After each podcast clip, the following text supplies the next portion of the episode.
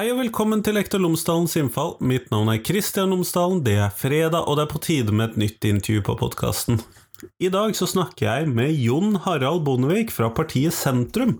Og dette er vel det partiet som jeg tror ble etterlyst flest ganger, og som jeg ble spurt om og jeg skulle gjennomføre flest ganger. Kanskje ikke nødvendigvis med Jon Harald, men i hvert fall med partiet Sentrum. Men her kommer det altså det nye norske partiet Sentrum. De får også lov til å fortelle hva de tenker om norsk skole. Jeg har jo selv skrevet et, eller vært med å skrive et partiprogram om skole helt fra grunnen av, og jeg vet hvor vanskelig det er, men jaggu hadde de ikke også et fullt skolepolitisk partiprogram. Sånn at um, dette er interessant å høre.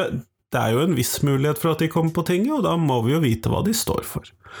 Så her får du Jon Harald som snakker om det. Men først som alltid, eh, podkasten er sponset av Cappelen Dam Undervisning. Utdanning. Cappelen om utdanning, de har faktisk skiftet navn. Eh, og hvis du går inn på tverrfaglig.cdu.no, så finner du alle de oppleggene, oppgavene, ressursene som Cappelen Dam har laget i forbindelse med fagfornyelsen på videregående skole. Dette dekker de tre tverrfaglige temaene, og gir en mulighet til å kanskje spille litt ball sammen med Cappelen Dam Utdanning, og så få til det tverrfaglige elementet på en enda bedre måte. Men altså tverrfaglig.cdu.no. Der finner du det. Det er for videregående. Eh, det er mulig at skolen din allerede, eller fylkeskommunen din allerede har betalt for tilgang til dette, men det oppdager du der inne, og hvis ikke de har det, så har du mulighet til å tegne en sånn prøveperiode. Så test det ut, tverrfaglig.cdu.no. Men i hvert fall, her kommer intervjuet med Jon Harald Bondevik, eh, og så håper jeg du syns det er interessant. Vær så god.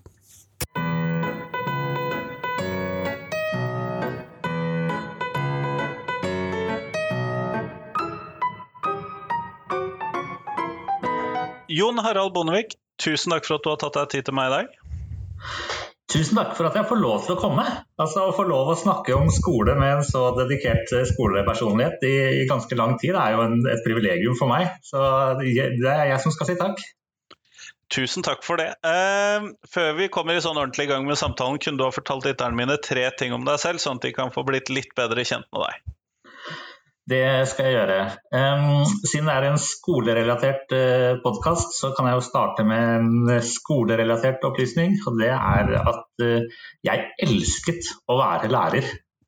Uh, det må jeg si. Altså, jeg jobba jo 15 år i, skolen, og de årene jeg fikk være kontaktlærer, det har vært de beste årene i mitt yrkesliv. Så det må være det første. Jeg elsket å være lærer. Eh, og så eh, for, kan jeg jo være litt mer privat. Opplysning nummer to, da. Eh, selv om det også sannsynligvis, eller ikke sannsynligvis garantert, har påvirka mitt syn på skole. Og det er at jeg er pappa til tre gutter i alderen nå holdt jeg på å si 9 til 20, men minstemann blir 10 år i dag, så da er det fra 10 til 20 år. De er født av to ulike kvinner i to ulike land, men alle tre har samme mor. Så da kan du tygge på den. Ja. eh, også hvis jeg skal ta en eh, kuriositet til slutt, eh, så kan jeg si at eh, jeg har vært eh, fagkonsulent på en pensumbok i skolen i Kirgisistan. Eh, og jeg kan ingen av de offisielle språkene i Kirgisistan, så det ble en ganske morsom opplevelse. men det er ikke sikkert det er den det først og fremst vil høre om i dag, da. Men da har jeg nevnt det òg. Ja, nei, eh, jeg hadde ikke tenkt å spørre om det, men det, det må jeg si. Det er første gang jeg har hørt om noe slikt. Men eh, du er jo her i dag fordi at eh, du er med i det nye partiet Sentrum. Og jeg har rett og slett også måtte, følt at jeg har måttet inkludere dere når jeg nå skal spørre de politiske partiene om hvordan ser Skole-Norge ut hvis dere får bestemme etter valget. Eh, er det noen sånne hovedlinjer du har lyst til å trekke for meg der? Eh, absolutt. Da må jeg først si at det syns jeg er veldig fint at du er så inkluderende. For det er jo akkurat noe av det vårt eh, parti er bygd på. Eh, vi snakker mye om mangfold. Eh, og utenforskap, så da har jo du på en måte allerede måte, tatt noe av vår politikk til, til, din måte å være på, så det er jo kjempeflott. Eh, hovedlinja hos oss, eh, altså visjonen for vårt parti er at vi gir alle en mulighet. Og da blir jo visjonen for skolepolitikk at eh, skolen skal gi alle en mulighet. Eh, og så kan man spørre gjør den ikke det i dag? Eh, jo, for de fleste så gjør den det. Og jeg drister meg til å si, og særlig for de som trives bak en pult og på en stol. Eh, men det er jo slettes ikke alle. Eh, og det er vel, jeg har vel inntrykk av at det er flere og flere som sier at skolen ikke passer for dem, eller kanskje særlig foreldre, som jeg har blitt kontakta av etter at jeg engasjerte meg i sentrum skolepolitikk, som forteller historier om utenforskap, om barna som ikke føler at de passer inn i skolen. Eh, og da tenker jeg at eh, hallo, ingen barn skal jo være en som ikke passer i skolen. Det er skolen som skal passe for barnet eller eh, ungdommen. Så hvis, jeg kan trekke, skrive én sånn overskrift, så er det skolen skal gi alle en mulighet. Og det er den skolen vi i partiet Sentrum vil. Nettopp, nettopp. Jeg ser jo bl.a. at dere vil redusere krav til stillesitting, teoretisk kunnskap og fokus på prestasjoner. og Hvorfor dette? Hvorfor er det nettopp dette som dere trekker fram? Eh, det er, eh, det er mange grunner til. Eh, selvfølgelig er det at det er ikke alle som passer til å, å, sitte stille, eller hvor mange av oss gjør egentlig det. Hvor mange av oss ville valgt å sitte på en stol bak en pult da vi var 6 år eller da vi var 13 år, eller 17 for den saks skyld. Så mye som man gjør i skolen. Men masse mange lærer på den måten. Men veldig mange lærer på andre måter. Eh, og vi eh, ønsker oss jo mer praktisk undervisning i alle fag. Eh, ikke bare i de praktisk-estetiske, som også er veldig viktig og, trenger et løft, men i alle de andre fagene også. Fordi vi tror at så mange lærer godt på den måten. Og vi tenker at Hva skal jeg si? At det er ikke alle som skal, heldigvis, bli sittende på et kontor resten av livet når de, når de skal jobbe. Eh, vi trenger de som tør å ta sjansen, vi trenger, trenger den som er nevenyttig, vi trenger den som er kreativ. Eh, og da må skolen bygge opp under det. Tenker, som jeg ser det, så er skolen veldig god på å forberede elevene på, som skal inn på studiespesialisering på videregående. Til det er grunnskolen kjempegod. Eh, men de som f.eks. skal eh, rette seg mot eh, yrkesfaglig videregående, de blir ikke så godt forberedt gjennom grunnskolen. De får ikke vist sine evner og sine kvaliteter på den måten de burde. Og får heller kanskje ikke det grunnlaget de, de kunne fått hvis vi hadde innretta grunnskolen litt annerledes. Så der ligger det mye. Og så handler det selvfølgelig også om dette med frafallet, som er såpass stort. Altså hvorfor er det så mange som føler at de ikke passer inn i skolen, som, som velger andre ting.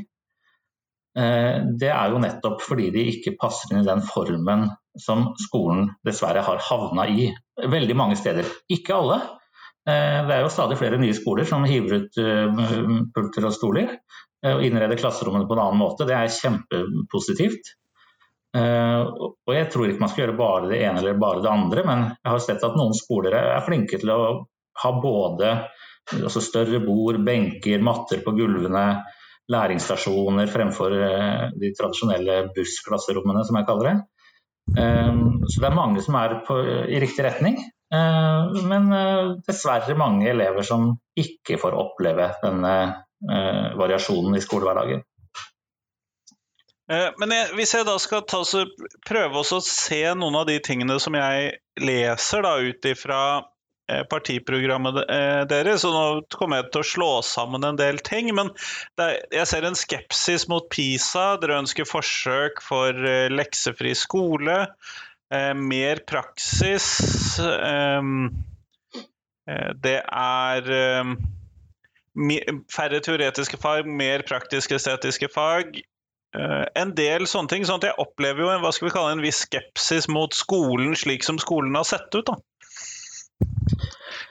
Eh, ja, nå, jeg skulle gjerne kommentert flere av de punktene, så vi kommer tilbake til det. Men hvis vi tar det siste først, da. Eh, skepsis til skolen er jo eh, Det er på en måte litt leit hvis det leses sånn. skolen er jo proppfull av engasjerte, dedikerte, dyktige lærere, skoleledere og andre fagpersoner. Og som jeg var inne på, så, så funker det jo for de aller fleste. Men når det er mennesker vi snakker om, så kan vi jo ikke være fornøyd med at om det, hvis vi tar et tall, 80-90% kommer bra gjennom. Sånn som man kan i en bedrift, altså en fabrikk vil jo være kjempefornøyd hvis de selger 80-90% av varene sine med kjempehøy fortjeneste. Da kan de kanskje til og med kaste den siste 10 eh, men sånn kan vi ikke tenke i skolen. Det hjelper den ene veldig lite at det sitter mange andre rundt eh, og er fornøyde. Det funker ikke sånn med mennesker? Nei, det er akkurat det. Så, sånn kan vi ikke tenke når det er, eh, når det er mennesker det er snakk om. Um, så Derfor må vi lage en skole som, som gir muligheter for alle. Ehm, og så sier du at vi er eh, skeptiske til dagens skole. Det er, eh, det er, litt leit hvis det leses sånn, men politikk handler jo om å forbedre det som kan forbedres. ikke sant? Så når, når, du nevner noen ting nå som vi vil endre på, så er det fordi det er noen ting vi tenker kan, kan bli bedre i skolen. Det betyr ikke at alt annet er dårlig. Absolutt ikke. Eh, og Det er jo litt av problemet med en sånn polarisert debatt vi ofte får i politikken i dag. altså For å komme gjennom så må du svartmale. Og Vi ønsker ikke å svartmale skolen, det er veldig mye bra med skolen, men så må vi peke på det vi tenker kan bli bedre. Nettopp. Og da er jo lekser, eh, lekser og PISA-testing og sånn. Eh, hvorfor ønsker dere flere forsøk med leksefrie skoler? Det er det flere grunner til. Vi ser jo at eh, lekser lett kan eh, reprodusere sosiale forskjeller. Eh, det er ikke alle som har like muligheter til å få hjelp med leksene. Men også her så tenker jeg det er litt skummelt med en sånn polarisert debatt der man enten skal bare snakke for at lekser er positivt, eller bare snakke for at lekser er negativt. For det, med det meste i verden så er det sånn at det kan brukes til det gode og det kan brukes til det onde. og Sånn er det med lekser også. Ehm, Lekser skaper masse frustrasjoner i mange familier. Det ødelegger nesten hverdagen til flere familier. Der, er, eh, der elevene sliter med, med, å komme seg gjennom, rett og slett. Altså, bøker kastes veggimellom, og det slås i bordet, og, og det ropes og skrikes.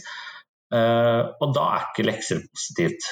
Eh, I tillegg så er det stor forskjell på, på, hva slags hjelp man får med leksene, men da handler det mye om hva slags lekser som gis. Ikke sant? det er mye som tyder på at i hvert fall leselekser har mye for seg. Eh, og så skal jo lekser eh, ikke handle om nytt stoff. ikke sant? Dette vet jo alle lærerne i skolen. Det skal handle om å, å, bruke det man har lært på skolen, sånn at ikke man blir avhengig av den hjelpen hjemme. Eh, men så er jo mange av oss eh, som har vært i skolen sånn, vi har lyst til å finne på litt gøy, og plutselig finner vi på litt sånn nye og rare ting i, leksene. Og så er det noen som syns det er kjempegøy, og så er det noen andre som tenkte her, hva i all verden var dette? Ikke sant? Så har vi kanskje, kanskje bomba der òg. Men så kan, kan, lekser også brukes positivt. Altså det handler f.eks. om, om hjem-skole-samarbeidet. Der kan lekser være en god hjelp. Eh, og så går det an å finne ordninger for leksehjelp som er enda bedre eh, enn i dag. Eh, nå er det jo sånn ofte at man får lekser, leksehjelp bare på noen av trinnene f.eks. Og kanskje til og med de trinnene der det ikke er mest nødvendig. Eh, så det går også an å finne bedre eh, metoder for denne leksehjelpen. Men det viktigste spørsmålet er jo hva skal leksene være?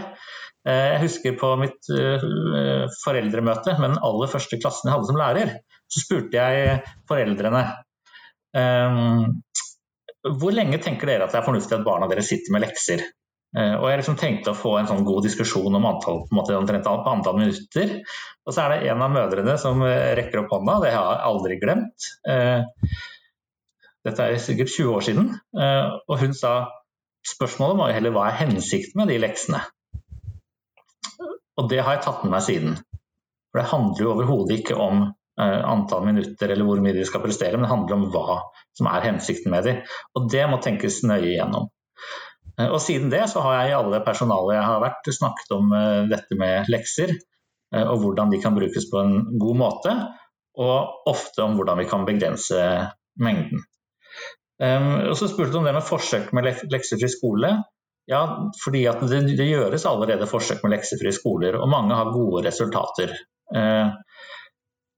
Men vi har ikke nok kunnskap om det. Så derfor, selv om jeg og, og vi som har diskutert dette i partiet sentrum, heller mot en leksefri skole, i hvert fall en justering av hvordan de gis, så må vi undersøke litt mer før vi går inn for å innføre leksefri skole for alle. For vi vil miste noen ting ved, å fjerne leksene, så da må man innrette det på en annen måte før man tar liksom et endelig standpunkt. Det er lett å bli skråsikker på, på, sånne ting som det her. Det tenker jeg at det skal vi ikke være. Vi må finne ut litt mer, og så må vi prøve oss fram.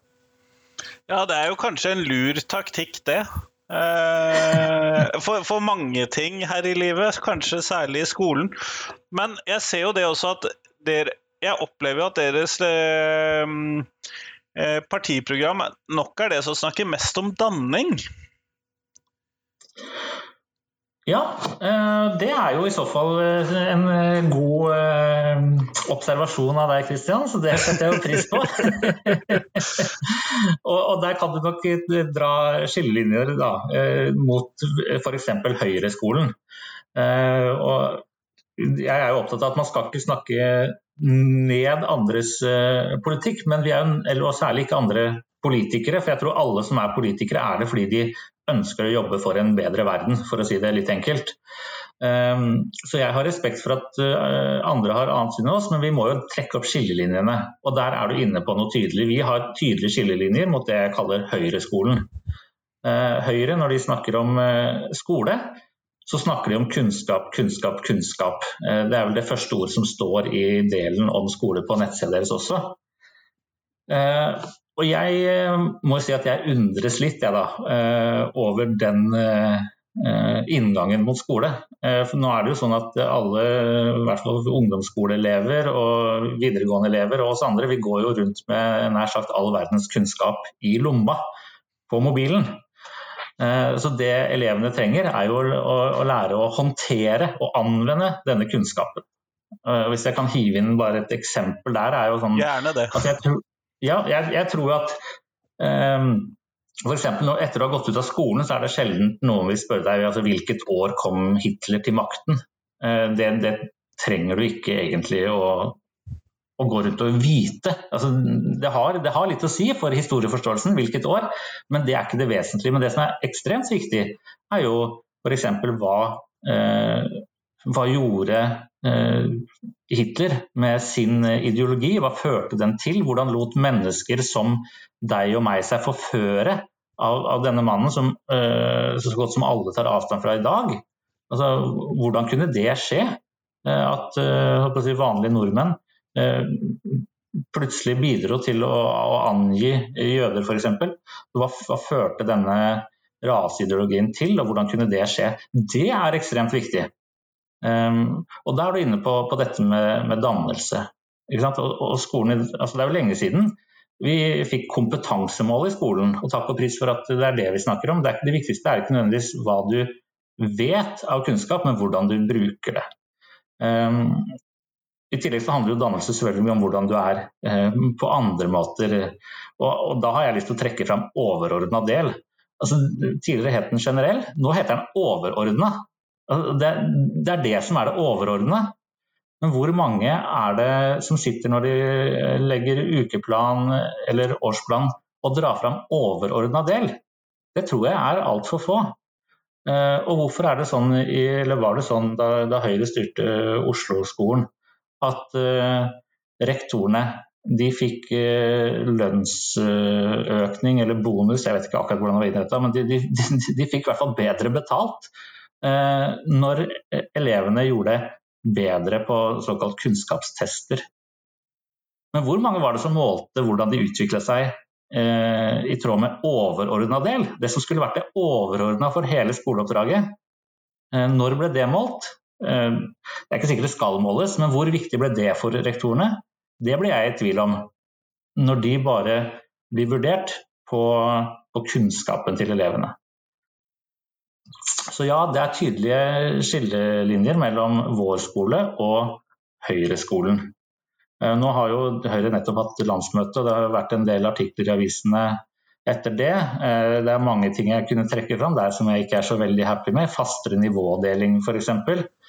Det virker litt for meg som om ikke de har fått med seg at tilpassa undervisning, det kan lærerne. Det gjøres i skolen i dag. Altså, de får veileda lesing i grupper på, på, sitt nivå. Man holder kanskje mattekurs en time i uka der elevene kan melde seg på det de vil. men det jo ikke, skal jo ikke være fastere. Og det er veldig mye mer som skulle ha ligget til grunn for en sånn eh, inndeling av undervisning. Da måtte man ha sett på læringsstrategiene til de ulike elevene. Eh, hvem lærer best i, i gruppe, hvem har godt av å sitte alene. Altså, det er mye, mye annet man måtte se på enn en eventuell score på en test. Så jeg tenker, Der har de, der har de bomma. Men mitt, mitt sånn eh, største problemstilling knyttet til nivådeling er jo at eh, den største problemstillingen for oss å gi tilpasset opplæring, slik jeg ser det, er jo antall elever per lærer. Eh, ja. Eh, eh, eller vil jeg si antall altså, da, da, har jeg lyst til å gå litt bort fra det som ble litt sånn oppfatningen da man innførte lærernormen. Det var mange som trodde at det handlet om hvor stor klassen skulle være. Uh, og jeg tror ikke nødvendigvis at en liten uh, klasse får bedre tilpasning enn en større klasse. Jeg har selv vært lærer for en ganske liten gruppe, og jeg må si at der mangla jeg av og til litt dynamikk. Det ble for like elever, mangla litt de ulike elevene som kunne dra eh, undervisningen videre. Og, og veldig sårbart for fravær? Veldig sårbart for fravær. Eh, så det, det, kan godt hende at gruppen skal være større, men du kan jo fortsatt ha flere fagpersoner inn. Eh, så må ikke tenke at det må handle om klassestørrelse. Eh, men nå glemte jeg egentlig hva, start, hva spørsmålet ditt var, Kristian. Eh, Nei, jeg bare, på, jeg bare, fordi at du snakket om dette med nivådeling eh, ja, og Høyres vedtak der. Eh, ja, og hvor jeg, jeg, tok deg litt bort. ja. ja. men du snakket nå om dette med, med, med lærerens tid og tilpasning. Og Der har vi et punkt som du kanskje har også fått med deg, at du vil gi kontaktlæreren større nedslag i undervisningstid. Eh, nettopp for å kunne bruke tid på tilpasning. Eh, for det handler jo ikke om eh, at kontaktlæreren ikke har evne til å tilpasse. Dette kan de veldig mye om, men det handler ofte om rammene som er gitt. At de må stå rett og slett foran full klasse veldig mye av sin arbeidstid. Hvis de kunne fått litt mer nedslag i tid, så hadde de fått litt bedre tid til å tilpasse både egen undervisning, men også deltatt i f.eks. ressursteam, eller hvordan dette er innordnet i de ulike kommunene og å møte andre instanser som har eh, kunnskap og kompetanse om elever, eh, og f.eks. elever med diagnoser. Eh, som veldig mange kontaktlærere kjenner på at de ikke får nok eh, kunnskap om for å gi den rette undervisningen. Så det handler mye om, om rammene, og et av tiltakene våre er å gi kontaktlæreren mer nedslag i undervisningstid. Ja, nettopp sånn at dere ønsker jo da altså å øke kontaktlærerressursen, eller hva, hva, det nå heter ja. der ute. Hos på min arbeidsplass så heter det mentor, så jeg klarer ikke alltid å finne riktige ord for kontaktlærere. Nei, det er, ikke, så viktig hva man kaller det, men du har, du har skjønt poenget. Nettopp, nettopp. Og så, så, var du inne på dette med, med PISA, eh, nevnte du. Eh, hvorfor ja. vi er skeptiske til det. Altså, eh, jeg har prøvd jeg, å gå opp og ned på badevekta 15 ganger etter hverandre eh, og se om tallet beveger seg i den retningen jeg ønsker. Eh, men det gjør ikke det før jeg begynner å gjøre noe eh, utenfor badet og badevekta. Jeg tror ikke at elevene blir bedre av å testes, testes, testes, sånn som man kan få inntrykk av når man hører på høyrepolitikerne. Eh, altså, all testing er ikke, er ikke feil, liksom. men det er dette igjen at man må bruke ting på, på rett måte. Og noen eh, skoletester, sånn som eh, de fleste nasjonale prøvene, i hvert fall, kommer jo med, med, verktøy for eh, oppfølging i etterkant, ut fra hvordan man eh, scorer på, på, testen eller på prøven. Og da tenker jeg at Sånne prøver kan vi ha, som er til det beste for eleven. Men tester som kun er til for å rangere eh, skoler i forhold til hverandre, de har ikke så mye verdi. Og nå driver jo Riksrevisjonen i Sverige og men, eh, har kommet med skarp kritikk av PISA-testene der, det har du sikkert lest om. Eh, Sverige og Norge er jo de som eh, unntar flest elever fra PISA-testingen. I Sverige var det vel på, var det rundt 11% som var fritatt. Og det er klart, Da kan man jo få gode skåringer hvis man eh, fjerner den, de 11% som gjør det dårligst. I Norge ligger vi på 7,9, og det kan man jo skjønne igjen tilbake når eh, rektorene lønnes etter resultater på, på PISA-testene, så er det sikkert fristende for noen å, å frita flere fra testene. Og da tenker jeg, Hva er det da vi egentlig finner ut på de testene? Hvis, er, eh, hvis vi tar bort de elevene som kanskje egentlig hadde trengt den kartleggingen mest, men som i tillegg kanskje ikke har godt av det. Eh, altså det har jeg sett i skolen. Altså det er jo en del av de elever med svake resultater som, som nettopp får nesten panikk under disse prøvene og ikke får noe ut av dem. Eh, så jeg mener ikke at de nødvendigvis skal tas med, men da, faller jo poenget med, med testingen bort. Da. Så eh, bort med PISA-testene og andre tester som bare skal rangere skolene i forhold til hverandre, og løfte fram de Eh, prøvene som har gode oppfølgingsverktøy for lærere og elever i etterkant. Eh, dere skriver jo også at dere vil etablere et lag rundt eleven med tverrfaglig og tverretatlig kompetanse. og Hvilke eh, yrkesgrupper er det dere har tenkt på da? Altså, det er veldig mange yrkesgrupper som trengs inn i skolen. Det kan være vernepleiere, spesialpedagoger, miljøarbeidere eh, osv. Og der kan jo dessverre lærernormen ha vært litt eh, ødeleggende, trass sine veldig gode intensjoner. Jeg var egentlig veldig glad da den kom, for jeg så at det var en del skoler som hadde for få lærere. Men vi tenker at det hadde vært lurt med en evaluering av lærernormen for å se om, om den har ødelagt for en del andre yrkesgrupper som trengs i skolen, når alle ressursene må brukes på, på lærere. Eh, det, det, vært, det, kan være en skole som heller hadde trengt inn en en annen faggruppe enn en akkurat læreren. Eh, men det var nå, nå lærernormen. Eh, kompetansen i laget rundt eleven eh, handler mye om at det finnes mange elever i skolen som har behov som vi ikke kan forvente at særlig en liten skole da, kan si, tilfredsstille eller ha nok kompetanse på, verken kanskje på skolen eller i kommunen. Eh, vi har mange små kommuner rundt i Norge. Og det er ikke å forvente at det sitter spesialister på ethvert felt rundt i alle kommuner. Så derfor eh, ønsker vi bl.a. Å, å gi eh, mer myndighet og, og styrka mandat til eh, ja, hva har, har det den tittelen? Altså den, den eh, koordinerende eh, Sosiallærerrollen, tenker du på? Nei, da tenker jeg mer på altså, hvis du har sammensatte behov. Ja, nettopp, som kanskje handler om både pedagogikk, men også om helse. altså Både mentale og fysiske utfordringer. Så har du sammensatte behov, og da har du en koordinator. Eh, har du rett på en koordinator. Men den koordinatoren kan jo godt være en fysioterapeut som er kjempegod på fysioterapi, men som kanskje ikke har så, så, så mye hun eller han kan om pedagogikk. Så hvor skal hun eller han da hente den kompetansen? Og Derfor ønsker vi å lage en, eh, en nasjonal sånn kompetansebase som både kan lære opp eh, disse koordinatorene, men også være et sted de kan henvende seg, slik at de kan finne den kompetansen som de ikke innehar selv.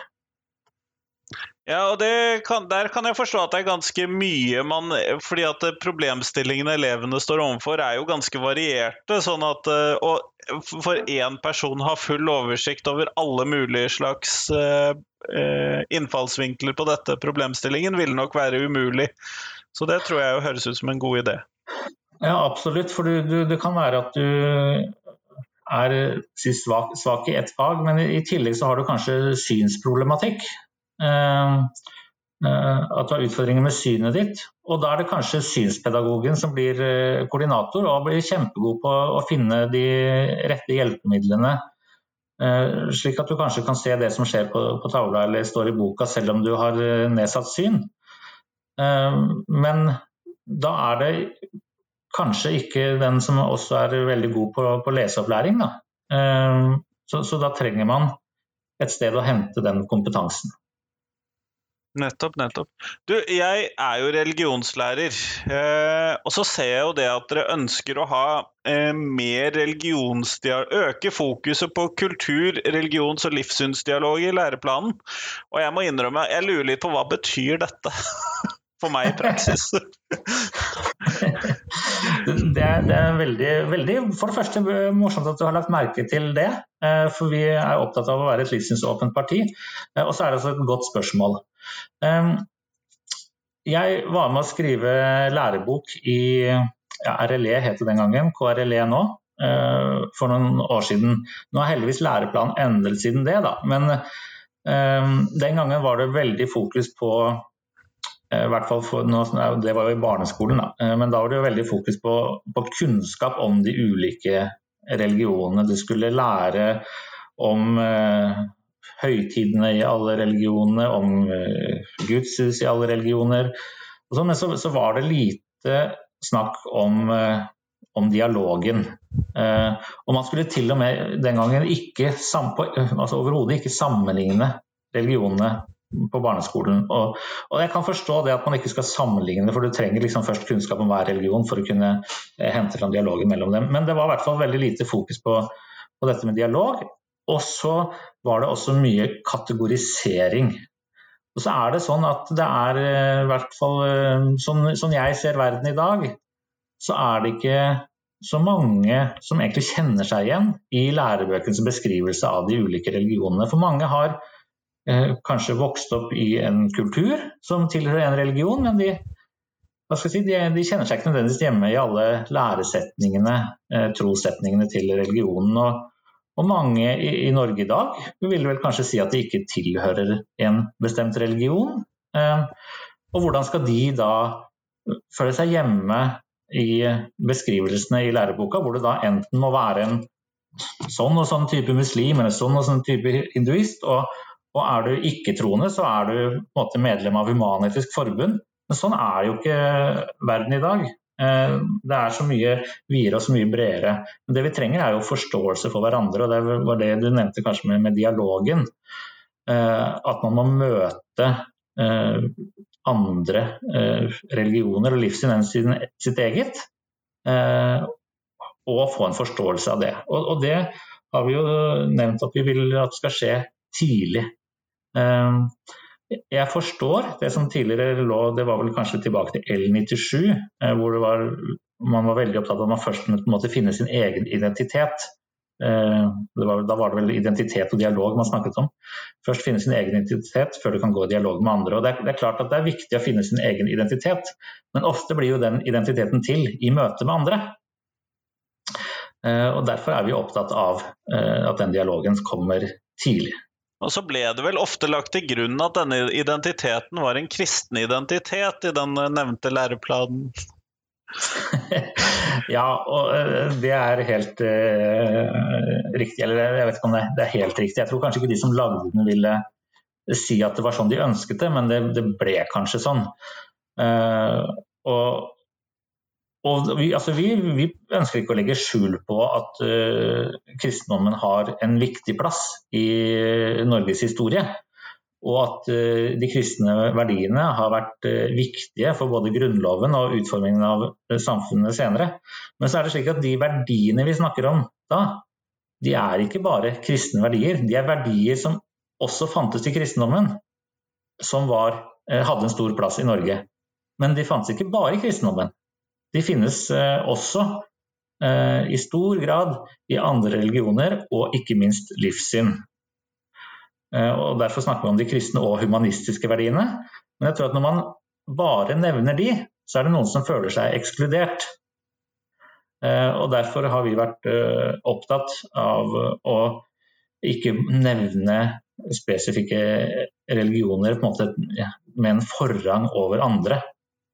For det, det, er med på å ekskludere. Så vi, vi, tror at, eller ikke tror, vi, vi ser og vet at religion har en viktig plass i mange menneskers liv. Og vi mener at det skal også ha en plass i det offentlige rom. Eh, men det skal ikke gis forrang til én tro eller én religion. Kjempeflott. Eh, da går vi mot slutten av podkastintervjuet. Da vil jeg gjerne spørre deg det spørsmålet som jeg stiller til alle de jeg intervjuer. Og hva er de tre viktigste tingene som skolen lærer elevene?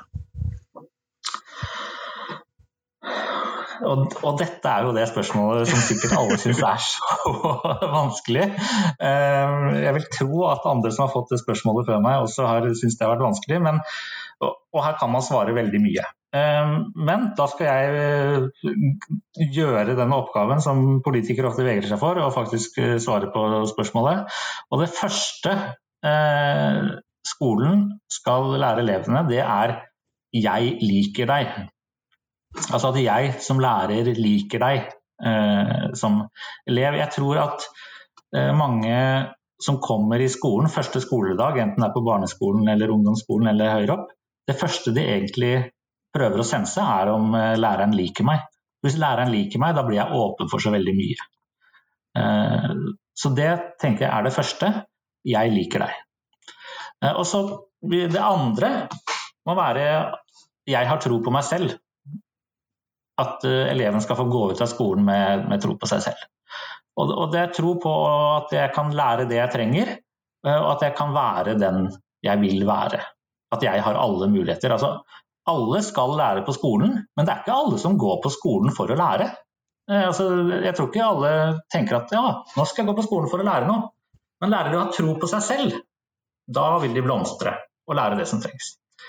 Ja, så Da var det 'jeg liker deg', altså fra skolen til eleven, og så at eleven skal tenke at jeg har tro på meg selv. Og det tredje er uh, at eleven skal lære at jeg gir muligheter til andre. Så gjennom den jeg er, hva jeg gjør, hva jeg sier, hvordan jeg forvalter jorda, overlate den til de etter meg osv. Fordi ingen kan leve i denne verden bare for seg selv. Eh, eller det er kanskje i hvert fall noen veldig få plasser i verden at du liksom bare kan, kan leve for deg selv. For vi er, vi er, alle en del av det mangfoldet som vi i Partisenteret snakker om. Mangfoldet handler ikke bare om at noen er annerledes enn oss. For det, er, det eksisterer ikke noe sånn vi, oss, dere-greie. Alle er en del av det mangfoldet. Uh, og hvis jeg gir muligheter til andre, så er jeg med å gjøre dagen og verden god for alle. Det ble et langt svar, men eh, kort oppsummert. Jeg liker deg, jeg har tro på meg selv, jeg gir muligheter til andre. Det er de tre viktigste tingene man kan lære elevene. Kjempeflott. Tusen takk for at du tok deg tid til meg i dag, Jon Harald. Du, dette var veldig hyggelig, og tiden går veldig fort. Jeg skulle gjerne snakket lenger. jeg tror vi trenger å ta noen nye runder senere når vi skal teste ut litt sånn spesifikke områder i politikken deres. Men takk for du, at du kom. Det blir jeg gjerne med på.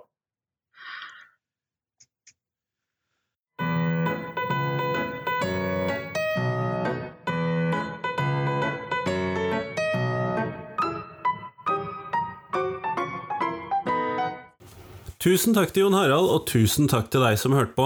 Nå er det fram til tirsdag igjen, så kommer det et nytt intervju, og da er det faktisk Hans Fredrik Grøvan fra Kristelig Folkeparti som gjester podkasten. Eh, og kanskje passende, kanskje upassende å ha KrF rett etter partiet sentrum. Det må man, eh, særlig med tanke på at det var Jon Harald Bondevik som stilte for partiet Sentrum, men det kan man selvfølgelig vurdere selv. Uansett, disse måtte jo komme, men kanskje ikke nødvendigvis i den sammenhengen. Ellers så er det jo sånn at eh, podkasten fungerer best hvis jeg får tips til folk å intervjue.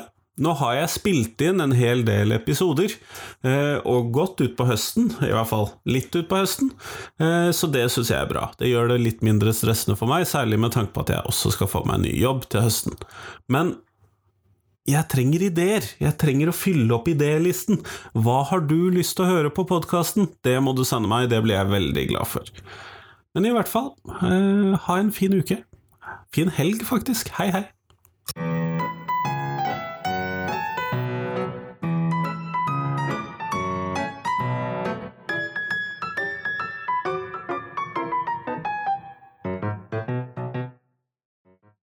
Husk at du kan gå inn på Instagram for å finne bilder av uh, Lektor Lomsdalens innfall.